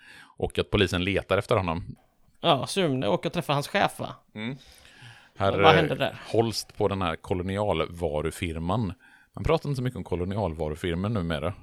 Nej, vad fan är det? En kolonialvarufirma, det är alltså någon som handlar med kolonialvaror. Och kolonialvaror, alltså varor från kolonierna. Och det betyder att det är varor från långt bort i stan, alltså bananer och liknande. Ja, inte nödvändigtvis vara man har snott från andra människor, utan Jo, bara att det är väl exakt det man har gjort. Men Ja, eh, ja. jag vet inte så mycket bananer, men, men kolonialvaror, det är alltså varor från långt bort i stan, kan vi säga. Fan, jag kommer att tänka på det, apropå kolonier. Alltså under 1900-talet har ju många kolonier, nu tar vi ett sidospår här, eh, har ju många, alltså, många kolonier liksom lämnats tillbaka, alltså sådär under 40, 50, 60, 70-talen. Mm. När var liksom, när skedde den sista tvärtom, alltså kolonialiseringen? Där en väst, eller så en europeisk stat bara, nu är ni, tillhör ni oss. Du som är historiker på alla sätt. Eh, jag väl säga att det hände i februari 2022 när uh, Ryssland Ja, men- invaderade Ukraina och sa att Ja, det här är det, vårt. det är inte på det sättet, det är ju en krigsinvasion. Det är ju liksom inte att någon åker till en annan världsdel och bara, nu tillhör det här landet oss. Nej, men Eh. någonstans så tänker jag att det här, eh, alltså idén om eh, terra incognita, alltså att ett land är obebott, så som engelsmännen tänkte när de åkte till Australien. Det försvinner ju lite grann när hela världen är exploaterad, när man har koloniserat hela världen. Så, Så vilka var sist? bra jävla fråga. Eh, jag, jag tänker ju faktiskt att mm, vi får, om vi ska titta liksom vem som var sist eller vem som, vem som var senast, så får man titta bort från den europeiska kolonialismen, för den liksom, försvinner ju i och med 1900-talet. Däremot så har vi till exempel Marocko eh, visavi Västsahara. Vi har Israel Ah. i Palestina, vi har Turkiet i Kurdistan. Alltså det är ju någon typ av kolonialism ändå, man säga. Det är det ju, men det är inte den roliga kolonialismen som Nej, jag jag, tänker mig. vet, men jag Alltså, försöker ju problematisera för att slippa svara på liksom Jag konkret, för jag tycker att det, det blir så svårt att svara konkret. Ja. Låt mig istället bolla tillbaks eh, frågan eh, till dig, eftersom vi här nu har, har hamnat i scenen, eh, en av många scener där Hassel promenerar ensam runt i stan till lätt, lättsam, vad heter det, ledsam musik. Ja. Vi har ju faktiskt några scener där han går med sin liksom, rock i någon typ av duggregn. Och här får vi faktiskt se ett par filmaffischer på Ja, väggen för att kunna liksom, identifiera. Och jag tror ju ändå att du har pausat och sett någon av filmerna, eller? Vad sa du? Ja, jag eh, koll, pausade och kollade på affischen gjorde jag. Mm. På, framförallt Goonies-affischen. Ja, Goonies-affischen var ju- snygg. Den är ju verkligen eh, spot on. Det var egentligen den som jag mest tänkte på. Ja, sen var det ju även en Eh. Bondfilm, Levande måltavla. Ah, var det den det på, var? Så att vi är ju väldigt tydligt här eh, hösten 1985 och rör oss. Och Ja. eftersom, jag vet inte om vi har det som en tradition i den här podden, men vi har ju gjort det i vår andra podd, Mästerskapspodden, så har vi försökt introducera det här Erik Niva hetsar, hetsar, vad fan heter han, Eh, pre- den andra i eh, When We Were Han Kings? får Halmstad och kan inte prata. Hamstad, eh, Eh, Håkan, Håkan Håkan Andreasson. Andreasson. Eh, han. eh, mitt Erik Niva-moment där jag ska kasta tillbaka Förlåt. Håkan, du kan visst prata. Ja, tveksamt. Nej, men det är ju är Levande måltavla, eh, en Bondfilm som kommer 1985. Och då är det så att om man kollar på Bondproduktion och Bondfilmer så har vi ju sex stycken skådespelare som har spelat James Oh. Bond i de här, vad ska jag säga, EON-produktionerna, de officiella. Och då vill jag att du faktiskt plockar alla sex skådespelare som har spelat James Bond här nu, Gustav. Alla sex James Bond. Okej, vi börjar från början. Sean Connery. Vi har ju Roger Mer. Mm. Ehm, eh, men, men, men, vad hette han? Timothy Dalton va? Yes. Ehm, Goldeneye. Vi har ju de två senaste nu. Mm. Goldeneye-snubben. Uh, Pierce Brosnan är fyra. Ja. Vi har ju den senaste Daniel Craig. Mm, fem. Vi har ju Miss... Ja, du- du har- han australiensaren va? Du har ju den, han den det? svåra, han som bara gjorde en film 1969. Ja, och han som knappt var skådis som bara gick in och sa att han var skådis. Jo, Lazenby. George Ja. Lazenby. Snyggt! Du plockade alla de fem, näst, eller alla de sex, nästan bara pang på uppstuds så. Du behöver nästan Jo, inte ens men, tänka. Fyra av dem är ju lätta och Mm. Dalton kommer ofta in där känner jag. För mig känns namnet Dalton känns som att det är någon westerngubbe istället liksom. Det känns som att det hör hemma i Lilla huset på prärien eller någonting. Mm. Eh, Men ja, nej just det, de har spelat. Ja, nu ska det väl bli en sjunde här då. Snart. Är det med Idris eller? Ja, jag vet inte, de har inte bestämt det. Det, det pratas väl om... eh, Ja. Det, Det, finns är väl lite olika namn som kastas vara. upp i luften, så kan vi säga. Ja. Idris Elba hade väl varit en av dem som varit intressant. Ja, det har han varit, eh, spänn väldigt, varit väldigt- spännande. Ja, vilken är din favoritbond? Eh, det är nog Sean Connery. Eh, Ja. Alltså original, originalbond. Jag gillar ju den här. Jag, jag, har inte, jag har långt ifrån sett dem, alla de senaste. Jag har ju sett dem, eh, jag tror att jag nog har sett alla Sean Connery och Roger Moore, Rod, Roger Moore. Roger Moore. eh, Bonden. Men jag, för få, fåglarna har jag sett Pierce Brosnan och eh, Daniel Craig eh, Bond allihopa. Men jag gillar ju Nej. Sean Connerys Bond bättre än vad jag gillar Roger Moores Bond. Om man ska ställa de två mot varandra. Ja, nej men Sean Connery, jag... Ja, Sean Connery är en av dem. Jag får ju blunda lite för vad han kanske tyckte om vissa saker i, i, i, egentligen. Men är Typ är han- så här, det, det blir ju givetvis ett jättesidospår här, men är det överhuvudtaget relevant när man tittar på hans skådespelarinsats, att han är en gris? Spelar det någon som helst roll i hur vi bedömer honom som skådespelare? Nej, inte när man bedömer någon som skådespelare, men man kan fortfarande tycka att det är problematiskt. Alltså det är som Kevin Spacey, fruktansvärt bra skådespelare genom Jo, åren. men jag tänker, måste vi liksom ha med det när vi tittar på gamla Bondfilmer? Nej, det måste vi Jag tycker, inte. verkligen, jag tycker faktiskt inte att vi behöver ha det. Han är Nej. fantastisk som Bond och jag älskar liksom. Sean, Sean Connery. Sen så visar ju sig att han är en idiot, men det är inte liksom relevant i sammanhanget, tycker inte jag. Nej, det, jag, du har rätt. Jag är mest glad att han inte blev Gandalf, eller att han tackade nej till att spela Gandalf. För han erbjöds faktiskt rollen. Den första gången som Sagan om ringen-filmerna nämns i svensk media så är det Står det att han ska spela Gandalf eller att det är för ryktas om det? Ja, det var det här att jag inte skulle ha släppt mina inlogg till Svenska, Sven- Svenska Dagbladet och DNs arkiv. Eh, Det är det bästa du någonsin har gjort. Ja, ska vi gå vet. tillbaka till Hassel? Ja, Stella Karlberg hittar en, vad hon tror, en död man i sin lägenhet. Det visar Ja, sig det är vara en uppsprätt nalle. Ja, v- vad tolkar du det som? Eh, att Stella Karlberg är lite hysterisk. Eller att... Eh, Men vem har lagt nallen där? Det är ju de som har varit inne och röjt runt i hennes lägenhet. För det är uppenbarligen någon som har varit och röjt runt i lägenheten. Ja, Eh, någon som har letat efter någonting. Och det är ju någon, var- den som har letat efter någonting vet ju att Valentin Karlberg bor i lägenheten. men varför har de bäddat ner nallen? Det är kanske bara för att de vill skrämmas eller någonting. Eh, och Jo, men, ja. Jag tycker det är relevant att fråga, vem fan har en fullvuxen nalle hemma i vuxen ålder? Nej men hon har ju sin dotter här som kommer sen. Hon är också vuxen i och för sig. Men jag Ja, det är ju inte att- hennes dotter än, så hon är som sagt vuxen. Nej, jag sant, tycker att det ja, finns det han- ingenting som eh, talar för att man ska ha en, vux, eller liksom en fullvuxen nalle hemma. Det kanske inte var hennes nalle och kanske hade med sig nallen och glömde den. Ooh, Mhm. that's fucking interesting. Den här polacken hade med sig nalle, det är också intressant. Ja, låt oss eh, inte gå ner för den eh, vägen. Nej, eh, Hassel ska försöka komma in på spelklubben. Det går sådär. Det går mediokert. Han tror att det är någon Eh, som läcker. Och här Ja, blir det är det här första introduceras. Ja. indikationen på att eh, någon läcker. Eftersom Hassel inte får komma in på spelklubben så tror han att det är någon som har förvarnat de som är på spelklubben. Nu kommer en polis. Stoppa Mm. honom. Han heter Roland Hassel. Och han eh, kommer att vara välklädd och se ut som Ja. Lars-Erik Berenett. Ja, ungefär så. Eh, han går hem istället och här har väl kanske det som jag tycker är den, mest obehagliga scenen i hela filmen. Får man väl Ja, här blir det säga. faktiskt eh, lite, lite läskigt på riktigt. Ja, för vad gör han? Ja, han eh, lägger sig i sängen och ska läsa någon typ av bok, men vi vet ju att det ligger ett lik under sängen. Och det är ju ingen mindre än Stella Karlberg som har hamnat där. Nej, precis. Eh, och det är verkligen, han sätter, det, de tar ju tid med, det här gillar jag någonstans. Det här är en sån scen som är bra att de tar sig tid med. Att han sätter sig på scenen, tar av, eller på sängen, tar av sig skorna Mm. och liksom lägger sig ner. Och sen är det att han sträcker sig åt något håll och bara... "Äh, Det är något som inte stämmer. Mm. Eh, jag hade ju, kan jag villigt erkänna det, att jag hade ju bajsat på mig om jag hade vänt mig ner under sängen och sett att det låg ett lik där. Ja, det är Eh, svårt att säga hur man hade reagerat om man hade upptäckt att det låg ett lik under sängen när man kom hem alltså.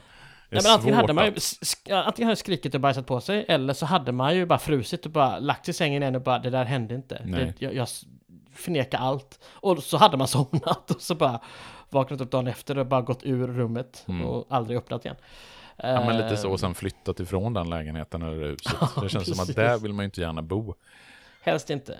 Nej, men en, eh, eh, återigen jämföra bok och film. När eh, Stella Karlberg ligger under sängen i boken så identifierar ju Hassel det genom lukten när han kommer hem. Han känner att det liksom är någonting som luktar hemma hos honom.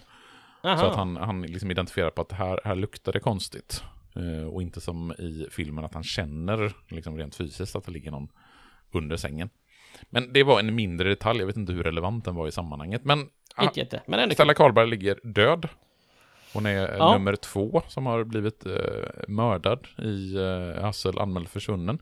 Det här gör Mm. att Hassel inte får vara kvar hemma eftersom eh, den utredande polisen Lasse Pettersson skickar ut honom. Så han får sova på kontoret istället. Det får han. Lasse Pettersson kanske vi borde nämnt. Han är ju, har vi faktiskt sett en del. Han är ju med både i Rosanna och i Den vite riddaren. Ah, Eh, typiskt, här skulle jag ta min nästa fråga som se om jag kunde plocka dig på var eh, Kurt Fors- Forslund har varit med. Men det hade du Jaha. re- redan läst på då med andra ord. Nej men jag minns honom faktiskt som Jag, styrmannen kom, jag, ihåg på honom från den Diana. vita, jag kommer ihåg honom från den vita riddaren, men eh, inte från eh, Rosanna. Men nu när du säger det så är det ju klart att han spelar ju mycket riktigt det du sa. Ja, vadå, för jag kommer inte spontant ihåg honom från Rosanna, eller från uh, den vita riddaren? så- Nej, han är ju Ja. den eh, kriminalteknikern som sitter i eh, bilen när de ska eh, återskapa när Daniel Kipchoge blir skjuten. Ja, just det. Det minns jag att vi pratade om när Mm. vi gjorde det. Just det, så var det. Vad bra, då kunde vi hjälpa varandra där. Vad härligt. Vad skönt. Och vi får lite skön socialrealism hemma hos eh, Simon och fru, hans fru Nadja. Spelad Ja, av Claire satan. Wickholm. Vad gillar du den scenen då? Åh gud, det kröp i mig. Jag, och jag kan säga så här. Jag är just nu eh, pappaledig i några veckor till. Hemma själv med ett barn. Och eh, jag har- i några månader så här haft ett barn plus hund och hade fullt jävla sjå med att klara det. De, jag, vet inte, jag, jag, jag orkar inte ens räkna barnen. Det är så många barn. De är överallt och de låter och de gapar och skriker och... Jag, det var nära att jag fick stänga av där och, och gå ut och ta en cigg. Och då har jag ändå astma. Så att... eh, Så nej, illa var det. Ja, så illa var det faktiskt. Eh, här har vi då din absoluta favoritskådis genom tiderna också, Claire Wickholm. Mm. Eh, Hon spelar ju då Simons fru. Nadja. Ja, jag kan tänka mig att du gillar Claire Wickholm. Varför skulle jag gilla Claire Wickholm? Vad, du i min, känns- vad i min aura gör att jag skulle vara en sån som gillar Claire Wickholm? Jag gillar Ja, men Claire allt. Wickholm, men, men vad? Ja. Nu får du faktiskt identifiera det här, Gustav. Du kan inte bara Nej, säga men- allt. Nej, Pinpointa men mängden här. hår du har i skägg i ansiktet kontra vad hon har hår på andra ställen och sådär. Jag tycker det liksom matchar någonstans. Det, Kan inte du göra någon typ av diagram på det här? Mängden hår jag har i ansiktet med kontra mängden hår olika kvinnor som jag tycker om har på andra ställen på kroppen. ja, det, det, det känns så, jag, jag, jag, det känns rätt när jag sa det. Någon typ av vän, vändiagram eller någon Ja. typ av stapeldiagram eller någonting är vi ju ändå intresserade av här, Gustav. Ja, jag får ändra mig lite. Det, det kändes bra innan jag sa det, det kanske kändes sämre efter jag sa det. Men det, ja, jag vet inte. Det, för mig känns det som att du har... Du, har är en klar, en klar. Wickholm-aura. Ja, Någon Det som skulle vilja umgås mer med Claire Wickholm. Men jag gillar Claire Wickholm, absolut. vem är hon för dig? Alltså, vem är hon för dig egentligen? Alltså, vad är hon känd för? Eller, ja. Att hon, har rött, att hon har rött hår. Det är väl det Ja. hon är mest känd för. Ja, jag älskar namnet. Cla Claire Minna Patricia Olofsdotter Wikholm. Det är ett bra, bra namn. Fullständigt namn. Eh, jag vet inte om jag kan något annat med henne än eh, den här väder, de här väderfilmerna. Eh, Vi hade i alla fall tur med vädret. Och hon gör ju, icke att förglömma, den, eh, en klassisk roll i den fullständigt eh, genomsågade och utskällda julkalendern Bruster Bruster. Från eh, Oj, när var det 1971. här? Med, 1971. När hon eh, Ah. spelar mot eh, Carl Gustav Lindstedt, som ju spelar Martin Beck i Manna på taket. Det är nog troligtvis den mest sågade eh, julkalendern på tv någonsin och då har det ändå varit några, några som har blivit ganska ordentligt sågade. Nej men den har, eh, på Wikipedia så står det så här, den har beskrivits som en av tidernas mest utskällda julkalendrar och kritiken gick bland annat ut på att den var svårbegrip, svårbegriplig, handlade för lite om julen och var vänsterpolitisk. Okej, så att det, det är samma kritik som SVT får dagligen nu då liksom, att det är obegripligt och vänsterpolitiskt liksom. Ja, det verkar så. Ja, Och det är intressant att Bruster Bruster regisserades av eh, Lars-Lennart Forsberg. men vad fan. Nåväl, Ja, jag går gärna vidare. du vill prata om någon yngre förmåga, nämligen Ragnar Karlberg. Inte nödvändigtvis, men hon ger dem ju i alla fall ett, ett, eh, en lead till var eh, eh, hennes far skulle kunna vara någonstans. Mm. Att han ofta hänger på kvarnen, på Söder, som att man behöver lägga till på Söder när man säger kvarnen. Jag tror att alla vet att kvarnen ligger på Söder vid Medis. Ja, det, annars så har man inte levt i Sverige tror inte jag. Eh, Nej, men vi får det. Ragnar Karlberg, jag vet inte om vi sa det, det är alltså Valentin Karlbergs dotter från ett tidigare äktenskap. Hon Mm. dyker upp här helt plötsligt. Och eh, eh, Hassel Roland alltså följer efter Valentin Karlberg. Han lyckas ju hitta honom på kvarnen. Men när eh, Valentin Karlberg läser i Expressen att hans fru är mördad så Ja. går han ju givetvis eh, till ett sunkigt trapphus istället. som man gör. Som man ju gör när han, ens fru har blivit mördad. Men de skulle ju ändå skiljas. Han eh, känner väl inte jättemycket för att hans fru har blivit mördad. Jag vill ändå påpeka att hans fru blev mördad. Och han går och försöker förhandla om den här hemligheten som han sitter på med sina papper. Ja, för vilka är det han går till? Ja, han går ju till de här skurkarna, eh, den här polacken Bilalski. Bland annat, alltså de som eh, driver spelklubben. Och Hassel han förföljer ju Valentin Karlberg och dyker upp. Och vi får ytterligare en av de här fina fighting-scenerna som ändå gör Ja. det, som är det som gör Anmäld försvunnen till en sån toppenrulle, eller hur? Ja men det var det jag ville lite grann prata med dig om. För att Hassel, för det första det man noterar här och även flera gånger i filmen, det är ju den här klassiska gamla hur poliserna håller pistolen. eh, På ett sätt som är omöjligt Mm. att skjuta ordentligt liksom. Alltså nere vid höften, eller bara liksom, ja men Mm. armen i 90 grader. Liksom, skottet kan gå precis vart som helst. Mm. Ingen polis hoppas jag, i världshistorien har hållit sitt tjänstevapen på det sättet. Roland Men, eh, Hassel har gjort det. Mm, och han gjorde det ju utan någon större lycka. För han, han eh, hamnar ju, han avslöjar sig ju där och hamnar i fight.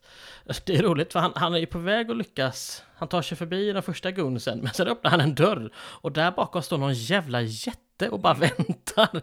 Det är kul. Jag älskar att tänka lite extra på de scenerna. Hur tänkte han som stod där? Han stod alltså en decimeter från en ståldörr. Tittade in i den och var ändå helt beredd när personen som kommer på andra sidan kommer igenom. Mm. Det är, det är imponerande, för han ser ju inte honom. Och visst, han kan ju klart att han kan höra att okej, nu närmar han sig. Men att inte välja att gå in, utan att stå där och vänta, det är också ett så här intressant, det är ett intressant Ja, det är val. ett val av eh, handling som, eh, ja, kanske inte ska fördjupa oss för mycket i det. Nej, vi får ju se honom eh, in i den här skåpvagnen medvetslös och han ska ju dumpas i något eh, sand, eh, i någon grop, sandtag eller vad heter det? Ja, i boken så ska han ju grävas ner i någon typ av betongfundament. Eftersom boken utspelar sig ändå 1972 när de håller på och river väldigt mycket, till exempel runt Ah. Klara-kvarteren och bygger väldigt mycket nytt. Det är det som eh, Sjöwall Wahlöö kritiserar och skriver så väldigt mycket om i de senare böckerna. Så där, skulle ju, där håller ju Hassel på att ram, eh, sjunka ner liksom någon typ av cement. Och blir istället eh, upphittad av någon typ av privatperson. För eh, i filmen här så är det ju faktiskt Valentin Karlberg som ringer polisen. Och det är Valentin Karlberg som ger polisen information så att Hassel klarar sig ifrån samtaget och istället hamnar på sjukhus. Ja, jag tycker det är roligt för här nämns i den här filmen och i någon annan film jag sett för inte så nyligen så nämns ståplats i Nybroviken som ett koncept. Och jag hade först hört det i, jag tror det är det första Jönssonligan-filmen, när eh, Biffen ska sätta ner ja, Sickan i eh, något cement och sen sätt, sänka ner honom i ja, Nybroviken då gissar jag, för att ha ihjäl honom. Han sjunger där och det är ståplats i Nybroviken. Jag tänkte att det var något som bara kom från Jönssonligan, men det verkar verkligen varit ett... Eh, det verkar verkligen varit en grej. Ja, att alltså- ståplats i Nybroviken är där man liksom avrättar folk typ. Ja, alltså det är ju en Cornelis-sång från början. Eh, Aha. visar vi Nybroviken. Jag kan eventuellt klippa in den, annars så citerar jag den här. Hej min sköna, skåda Nybroviken Lägg dig i min säng, ta särken av Hör där nere vrålar alla liken Med cement kring foten ur sin grav Ah, okej. Så att eh, det finns en logik i var, varifrån det kommer då, så att säga. Eh, Enligt Tänk om man kan Wikipedia- lära sig. Enligt Wikipedia-artikeln Ståplats vid Nybroviken så eh, ska uttrycket ha använts redan på 1950-talet. Jaha. Tänk vad man hade kunnat lära sig om man faktiskt hade orkat eh, läsa. Jag har bara noterat att det använts på flera ställen och sen inte gjort någonting mer med det. Ja, man jag är ganska duktig på, är duktig på att klicka på länkar samtidigt som jag pratar. Det är en av Ja, mina större, större förmågor. det är det. Eh, men ja, som, han, han räddas ju i alla fall. Eh, Och det är ju där han börjar flörta också med en eh, Ja. sjuksköterska som han väl eventuellt Eller- blir tillsammans med. Är det inte Ja, det? förlåt. Jo, förlåt, jag måste bara stanna lite vid det här. De vill, det här är en polis som har liksom sett de här ansiktena. Skjut honom. Eller liksom, alltså så här. Varför ska skurkar alltid göra, alltså så här, va, va, varför ska de kväva honom i sand i ett sandtag? Det är lite så sån där som att de, de sätter en bomb som ska liksom explodera om Nu har du en 10 timme minuter. på dig. ja. Ja, nej men det är ju jättedumt. Jätte, jätte, Ja. jätte, jättedumt på alla sätt. Pelle, han har ju en egen idé om hur han ska få information. Han åker nämligen ut till någon typ av fängelse. Där har en Mm. eh, fånge med namn Linkan precis muckat, så Pelle plockar upp honom. De känner ju förmodligen ganska tydligt varandra sedan tidigare. Och Linkan, han eh, ska ju enligt Pelle fixa info om den här Williams som vi har hört nämnas tidigare. ja, han ska väl komma från England va? Har väl kanske vi inte fått höra än, jag minns inte. Men eh, det är väl det han, han, han ska göra i alla fall. Ja, Williams är ju den här eh, spindeln i nätet någonstans. Ja. Men Ragna, alltså Stella Karlbergs, är det inte utan Valentin Karlbergs dotter. Det är inte Stella Mm. Karlbergs dotter utan Stella Karlbergs styvdotter. Han, hon går hem till Hass, Hassel och duschar hemma hos Ja. Hassel. Varför duschar hon hemma hos Hassel egentligen? Ja, hon påstår att det är fel på duschen hemma hos ja, pappa då. Eh, och det visade ju sig senare att det faktiskt, eh, att det faktiskt är.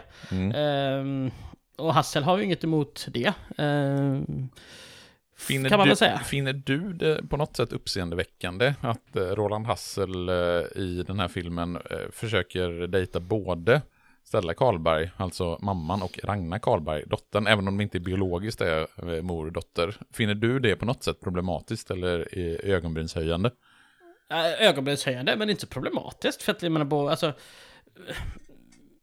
för mig känns det ju inte som att det är jättestor åldersskillnad på de två. Alltså, känns det inte som att, okej, Stella Karlberg är tio år äldre än Hassel och eh, Ragnar Karlberg är tio år yngre, är typ min känsla.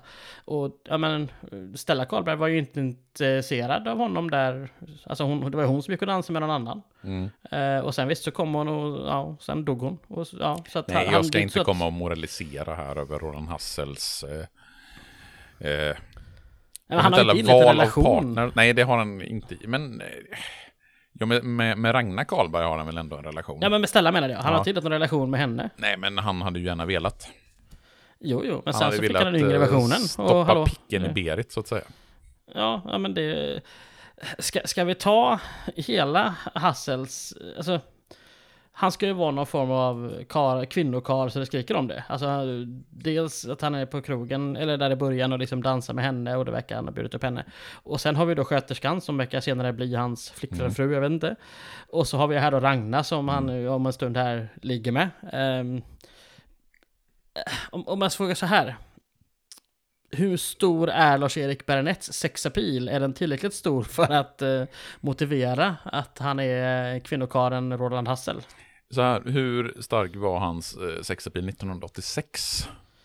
Var den... Eh, för att jag tänker att vi, det är svårt att, för oss bedöma den sexapilen idag. Det är sant, 80-talet var en förvirrad tid. Eh, Det kan vi väl lugnt säga. Eh, inte lika förvirrad som 90-talet i och för sig, men skitsamma. I- ja, du, jag kan inte avgöra det. För mig är det väldigt mycket så här en, en gubbe i 45-50-årsåldern som ska vara Guds gåva till kvinnorna. Ja, jag tänker ju att hans sexapil ändå var ganska stor 1986. Eh, större än vad vi bedömer den att vara idag. Sen ska man ju säga att i boken så är ju hans eh, sexapil ännu större. Det är ju väldigt tydligt att Olof Svedelid målar upp Roland Hassel som en väldigt, han, han är ju väldigt mycket en kvinnokar. Eh, Det får vi väldigt tydligt i boken. Okej. Ja, nej, för, jag, för mig, men det kan också vara liksom... Hade man haft den här det, synen på Lars-Erik Berenett först så kanske det hade varit en annan grej, jag vet inte. Men jag, för mig eh, håller det inte riktigt hela... Precis som att jag tycker knappt att skurkarna, liksom så här, jag tycker knappt någon av skurkarna vi träffar känns som en liksom illegal spelkunds eh, skurk. Ja men överlag, Men de, samtidigt... de ja. skurkarna som sitter i den här lägenheten som Valentin Karlberg går upp i när Hassel blir plockad för att slänga sig där samtaget. Alltså de känns ju som mellanchefer i princip hela bunten. Det är det jag menar. Och, alltså, det, det, de, det känns inte som några eh, hårdhudade ja, kriminella. Nej. Men vad vet jag? 80-talet vad vet, vad kanske- vet du om saker och ting? Du var ju inte ens Nej. född på 80-talet. Det var jag i och för sig. jo, det var du, jag vet det. ja. Simon upptäcker i alla fall en av skurkarna där och sen blir det något tillslag. Ja, och det är ju kanske den pajigaste scenen av dem alla i hela den här filmen när de ska göra den här razzian och de här poliserna i sina polis... Vad kallar man det här när man ska göra, när det är den här specialstyrkan ska... Insatsstyrkan. Insatsstyrkan, så heter det. De ska komma med sina... Men vad är det för pistoler de har i handen och vad är det för dräkter de har på sig? Ja.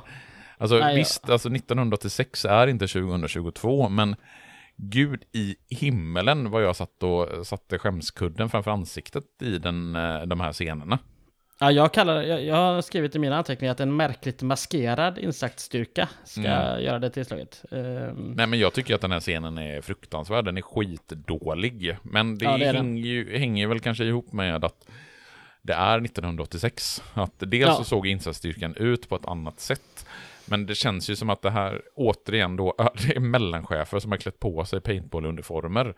Ja. Och springer runt i, på Söder och, och, och pangar lite. Det finns ju ingen De- trovärdighet i det här överhuvudtaget. De lyckas väl gripa en skurk och han Bilalski lyckas fly först men sen hoppar han ut genom ett fönster och dör. Mm. Eh, något som jag glömde, för vi har faktiskt en scen innan här som jag känner att jag måste prata lite om. Eh, det är när, för han ligger ju på sjukhuset ett tag. Eh, och det är ju då han flörtar med hon sköterskan. Men sen kommer han tillbaka till jobbet och Torsten Flinks karaktär kommer in och verkligen, och det här är så roligt, han sätter sig och skyndar sig för det är bigga prylar på gång. Ja. Och jag blev som bara, det här känner jag igen. Jag vet att jag inte har sett den här filmen innan. Men Torsten Flink använder ordet, ja det är ju inte liksom en pluralform av, en svensk pluralform av ordet big är det ju inte, men det är ju ett, ett förstärkningsord. Alltså, han skriver att det, säger att det är bigga prylar på gång och det visar sig bara vara att det är ett lamt välkommen tillbaka-partaj. Men frågan är då, för att jag, jag hittade ju var Torsten Flink mer säger bigga. Han säger tyvärr inte bigga prylar. Han säger i filmen Sökarna att det är stora prylar, det är bigga pengar. så att prylar finns ju med där. Så att, eh, jag, man önskar att han hade sagt bigga prylar båda gångerna. Men frågan är då, är det liksom två olika manusförfattare som har skrivit ordet bigga till Torsten Flink? Eller är det hans, liksom, är det måste motsvarigheten till Jakob Eklunds vad fan? Det Liksom? måste ju vara någonting som Torsten Flink själv har eh, skrivit in i manus. Alltså som han Att det är bigga där. liksom. Ja, jag, Det är hans grej. Jag tror, det måste ju vara det. Ja, Det finns ju, ingen, det finns ju inte roligt. manusförfattare som har skrivit in bigga i manus. Nej, nej det jag älskar ju det. Mm. Eh, men det var ja, oerhört märkligt. Eh, och sen att det inte leder till någonting heller, det är ju också oerhört trist. Ja. Men ska vi Ja. liksom ta någonstans hur hela den här historien eh, går i mål? För nu kommer ju storfräsaren Williams som eh, har anklagats för skattebrott, valutafiffel, äger sju spelklubbar i London, har en egen privatarmé. Han Mm. är ju på väg till Stockholm och den informationen får ju eh, polisen Pelle genom Linkan. Mm. Och Williams, han ska ju bo på Sergel Plaza. Och det vet ju herr Valentin Karlberg, så han går ju dit för att träffa Williams och eh, ge honom den informationen om spelklubben som han ändå besitter. Och det är ju den informationen om att de som är, jobbar på spelklubben är, har förskingrat pengar. Och det är ju den informationen som han försöker sälja till Williams. Alltså, Okej, vänta nu. Har de här pengarna, jaha, de på spelklubben har förskingrat pengar från Williams? Ja. Det är ju det som Ah. gör att eh, Karlberg är intresserad av att ge den här informationen till Williams.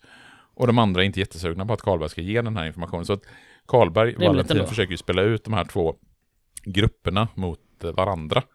Så? Karlberg försöker träffa Williams, går inte jättebra eftersom det Nej. kommer några eh, skurkar och plockar upp honom innan han eh, får träffa Williams. Och Vad tycker du om hela den här, hela, jag, vill stanna här Mm. på Hotell Plaza. För jag tycker hela den här scenen är, det här är, här, här kommer pajigheten igen. Att liksom, Karlberg går fram till receptionen, ber dem att han ska få träffa Williams. De säger att ja, han kommer ner, så han sätter sig i, i lobbyn där. Och samtidigt så, ja men ja, Williams kommer ner och samtidigt så kommer två goons in. Mm.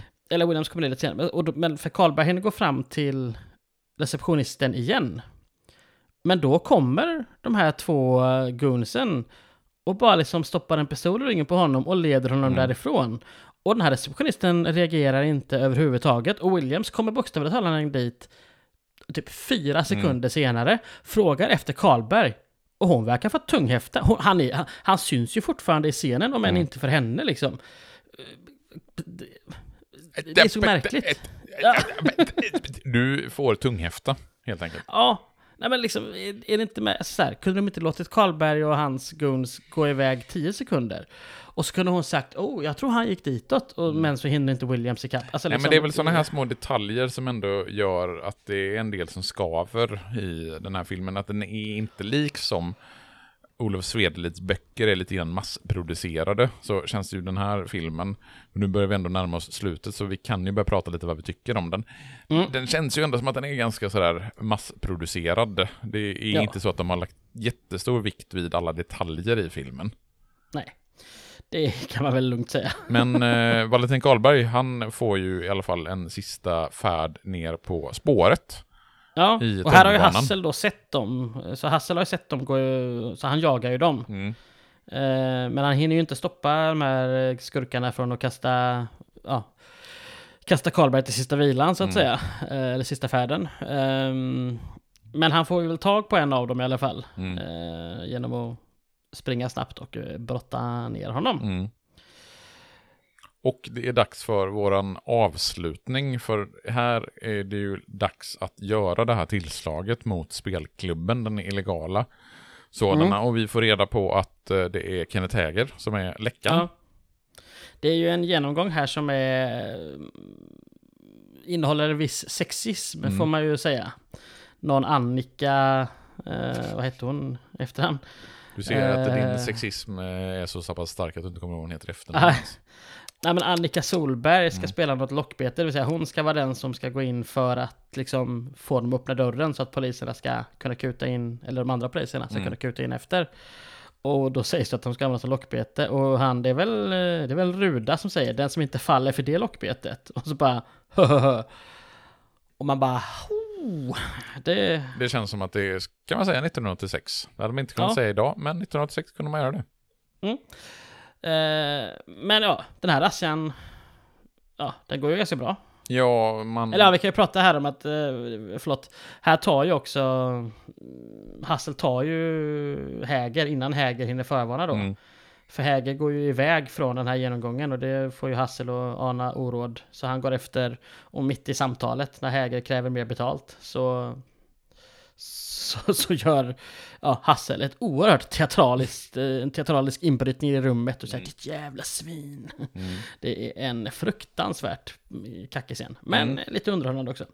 Sen kommer razzian, den går bra, alla grips och sen är även, eh, ja, även Holst befinner sig där. Ja, han visar sig att han sitter och gömt sig inne på toaletten. Och alltså Holst som var då Valentin Karlbergs arbetsgivare. Han eh, har ju Ja. en roll här på klubben och även Williams grips ju. Ja, och förs iväg i, eh, i bil. Och sen så får vi en avslutande scen, eller avslutande scener där Rude och Hassel eh, lite grann pratar utifrån de moralfilosofiska spörsmålen kring Ja. det här. men att Will, eller att den här konsul Holst grips, Mm. Betyder det någonting för dig? Ja, Alltså- eftersom jag har läst boken så betyder det en del för mig. Eh, Okej. eh, det, där, slutet är ju relativt annorlunda i, eh, Aha. i, i boken. Eh, inte, inte diametralt annorlunda, men ändå på ett liksom, mm, rad märkbara detaljer. Dels så får Holsts gripande betydligt större utrymme i boken. Det är ett Okej. långt, långt förhör med Holst till exempel. Där han och Williams spelas ut mot varandra. Där eh, Holsts roll i hela härvan har en betydligt större plats. Men den absolut viktigaste skillnaden det är ju hur boken slutar i förhållande till hur filmen slutar. Eftersom filmen slutar med att Williams visar sig ha en relation med Ragnar Karlberg. Alltså att Ragnar Aha. Karlberg i själva verket är Williams käresta och att hennes relation med Hassel bara var ett sätt för Williams att komma åt Hassel. För den absolut sista sidan i boken så ger Williams Hassel ett erbjudande om att bli en, liksom en dirty cup. Att han ska bli som Häger, det vill säga att ge information till Williams från polisens Oj. sida. Så att det blir liksom en väldigt tydlig klipphängare från eh, anmäld försvunnen till nästa bok. Shit, det såg jag inte komma att Ragnar Karlberg hade en helt annan roll i Nej, boken. för bok, Spännande. alltså bokens slut är verkligen eh, på det sättet helt annorlunda. Att, eh, dels att William, Williams och Ragnar Karlberg har en relation, men också att Williams ger det här erbjudandet till Hassel om att bli en informatör, någon som lämnar information till Williams och får då pengar, lite som Häger har fått tidigare. Mm. Men jag antar att vi inte får något svar där utan att det ska Nej, alltså nästa den, bok det, det slutar i princip, alltså bokstavligen med, Ja, den, med frågan. med den frågan. Och sen så får vi liksom vänta till nästa bok. Och det är väl som en klassisk när då Olof Svedelid skriver den här första Roland Hassel-romanen 1972, Anmäld försvunnen. Så vi, han vet ju redan då att han ska skriva en fortsättning och då blir Mm. det liksom perfekt att ha en sån liksom, Ja, men något att börja på. brygga till nästa bok, att folk ska vilja, och vad händer sen? Lite Ja. som att eh, Martin Beck eh, står, ligger och svävar mellan liv och död i eh, Den vedervärdige mannen från Säffle. Ja. ja, men det är lite Dan Brown-grejen. han slu- avslutar varenda kapitel med, med någon form av klipphängare. Mm. Det är inte så dumt rent berättartekniskt. Det gör ju att man vill, Nej. det gör ju att man vill läsa nästa kapitel eller nä- nästa bok, så det ska man absolut inte förakta. Nej. Ska vi sammanfatta filmen då? Eh, ja, den handlar om en man som anmäls försvunnen. och sen så är han försvunnen och sen så dör han under en tunnelbanevagn. Ja, jag tänkte mer vad du tyckte och tänkte. Jaha, du menar att du vill ha en sammanfattning i form av någon typ av betyg? Exakt. Och omdöme av eh, Exakt. eh, Hassel anmäld försvunnen. Eh, så här, jag har, tror jag åtminstone sett den här filmen tidigare. Jag kände igen väldigt mycket av den, så att jag, jo, jag har sett den, men det var väldigt, väldigt länge sedan. Jag tycker inte att jag kastade bort en och en halv timme fullständigt. Å andra sidan så tycker jag inte heller att jag fick ut så jävla mycket av den här en och en halv timmen. Den känns... Ah, jag kan både ha och mista den. Det finns vissa saker som eh, gör att den ändå är okej. Jag tycker att generellt eh, så är skådespeleriet på en eh, helt okej nivå. Jag tycker att eh, Lars-Erik Berenett är bra som Roland Hassel. Jag gillar de övriga poliserna. Det är väl egentligen bara Torsten Flink som jag har ganska svårt för. Historien i sig är inte jättespännande och, och, och jätterolig, men jag kommer betygsmässigt att landa i en tvåa på den. Den är inte så Mm. klappkass att den är en etta, men den är heller inte så bra att jag ändå vill... För en trea, då ska den ändå vara... Ja, men den här kan jag tänka mig att se. Jag kommer inte se den här igen. Det kan jag säga. Men det är inte en sån här... Det är inte polismördaren. Nej, Så dålig är precis. den inte. Nej men du, du har, ja vi är ganska eniga idag. Jag landar också på en tvåa. För jag tycker inte heller att den är så klappkalasusel. Hade den varit 20 minuter längre så hade jag kanske landat på detta. För att liksom, den, den, det är bra att den faktiskt bara klickar in på 1.23. För att mer behövs inte. Eh, Det är ju väldigt kort för att vara en långfilm. Liksom, det är sällan en långfilm med det under en och en halv timme. Jag får med att, du- skrev i vår chatt, föredömligt kort blir två plus bara där. Precis. och det är väl det du landar i nu, att den, att, Ja. att den är en och, vad är den, en och 24 eller någonting sånt där. Det är Ja. bara det gör att den får två plus. Ja, nej men och så här, jag, jag tycker, jag hade väl gärna sett, men det är också ur ur mina 2022-glasögon, att man, man kanske tonat ner det sexy hassel och mer eh, haft polisspåret som en, eh, ja, det hade räckt med det. Han får gärna ha en relation, men han behöver inte flörta med alla som har det på Ja, men vi kan väl säga typ överlag så har väl inte Hassel anmäld personen åldrats särskilt väl. Exakt. Och då är det inte bara det här med liksom sexismen och manschauvinismen utan även effekter och hur den är filmad är ju inte heller någonting som man mm, tycker känns jättefräscht 2022. Vi pratade ju inte om introt. Det brukar Nej, vi ändå lägga, intro har jag skrivit. Ja. brukar vi ändå lägga ganska mycket tid på. Och Ja. det är ju någonting som andas oerhört mycket 1980-tal. Ja. Det är ju som eh, någonting som man själv skulle kunna suttit och gjort eh, framför en Ja. eh, Commodore 64 eller något eh, liknande 1986. Ja. Nej men du snodde det jag tänkte säga just att jag, jag tror att filmen var betydligt coolare 1986 men att den inte har åldrats så jävla väl. Det, det är verkligen precis så jag känner. Eh, så att jag kan förstå de som liksom, alltså de som har Hassel som liksom jag har Gösta Ekmans Beck. Jag kan förstå att det finns sådana som tycker att det här var coolt och liksom att det är kul att... Jo, men skillnaden där, om hur du ska jämföra ju, alltså Gösta Ekman-Beck-filmerna från, eh, från, eh, är de 93, 94 eller 92, 93? Ja, är tidigt 90-tal. De känns ju ändå som de har åldrats med, om vi liksom bortser från eh, vissa kackigheter i framförallt Polismördaren och en del i Stockholm Marathon med dubbning och sånt, så har ju de ändå åldrats ganska bra i att det är Ja, men- liksom ganska lågmält skådespeleri, men den här liksom 80-tals actionfilmsstuket som Hassel eh, Anmäld försvunnen har, det är en genre som inte åldras jätteväl. Nej, nej men jag- det jag är rädd för, jag, jag håller med dig om det till 100%. Det jag är rädd för är att ja, men det är jag som har mina rosa glasögon för Mm. Gösta Ekmans Beck, medan jag inte har det för Hassel. Jag har faktiskt haft en tanke här på, sen ska jag lyckas få med dem på det, men jag har ju lite syskonbarn som är ja, men 14, 18 och 21. Mm. Att liksom få dem att se, ja men, eh, ja, Rosanna eller vilken nu, den här och kanske, ja men, någon till av det vi pratat om. Och liksom att verkligen, att de okej, håller någon av de här för er? Är det skillnad på de här för er? Eller är det alla de här tre, är det gamla? Alltså Liksom jag skulle ju kunna, jag har, jag har ju själv, jag har ju barn som är 15 och 17.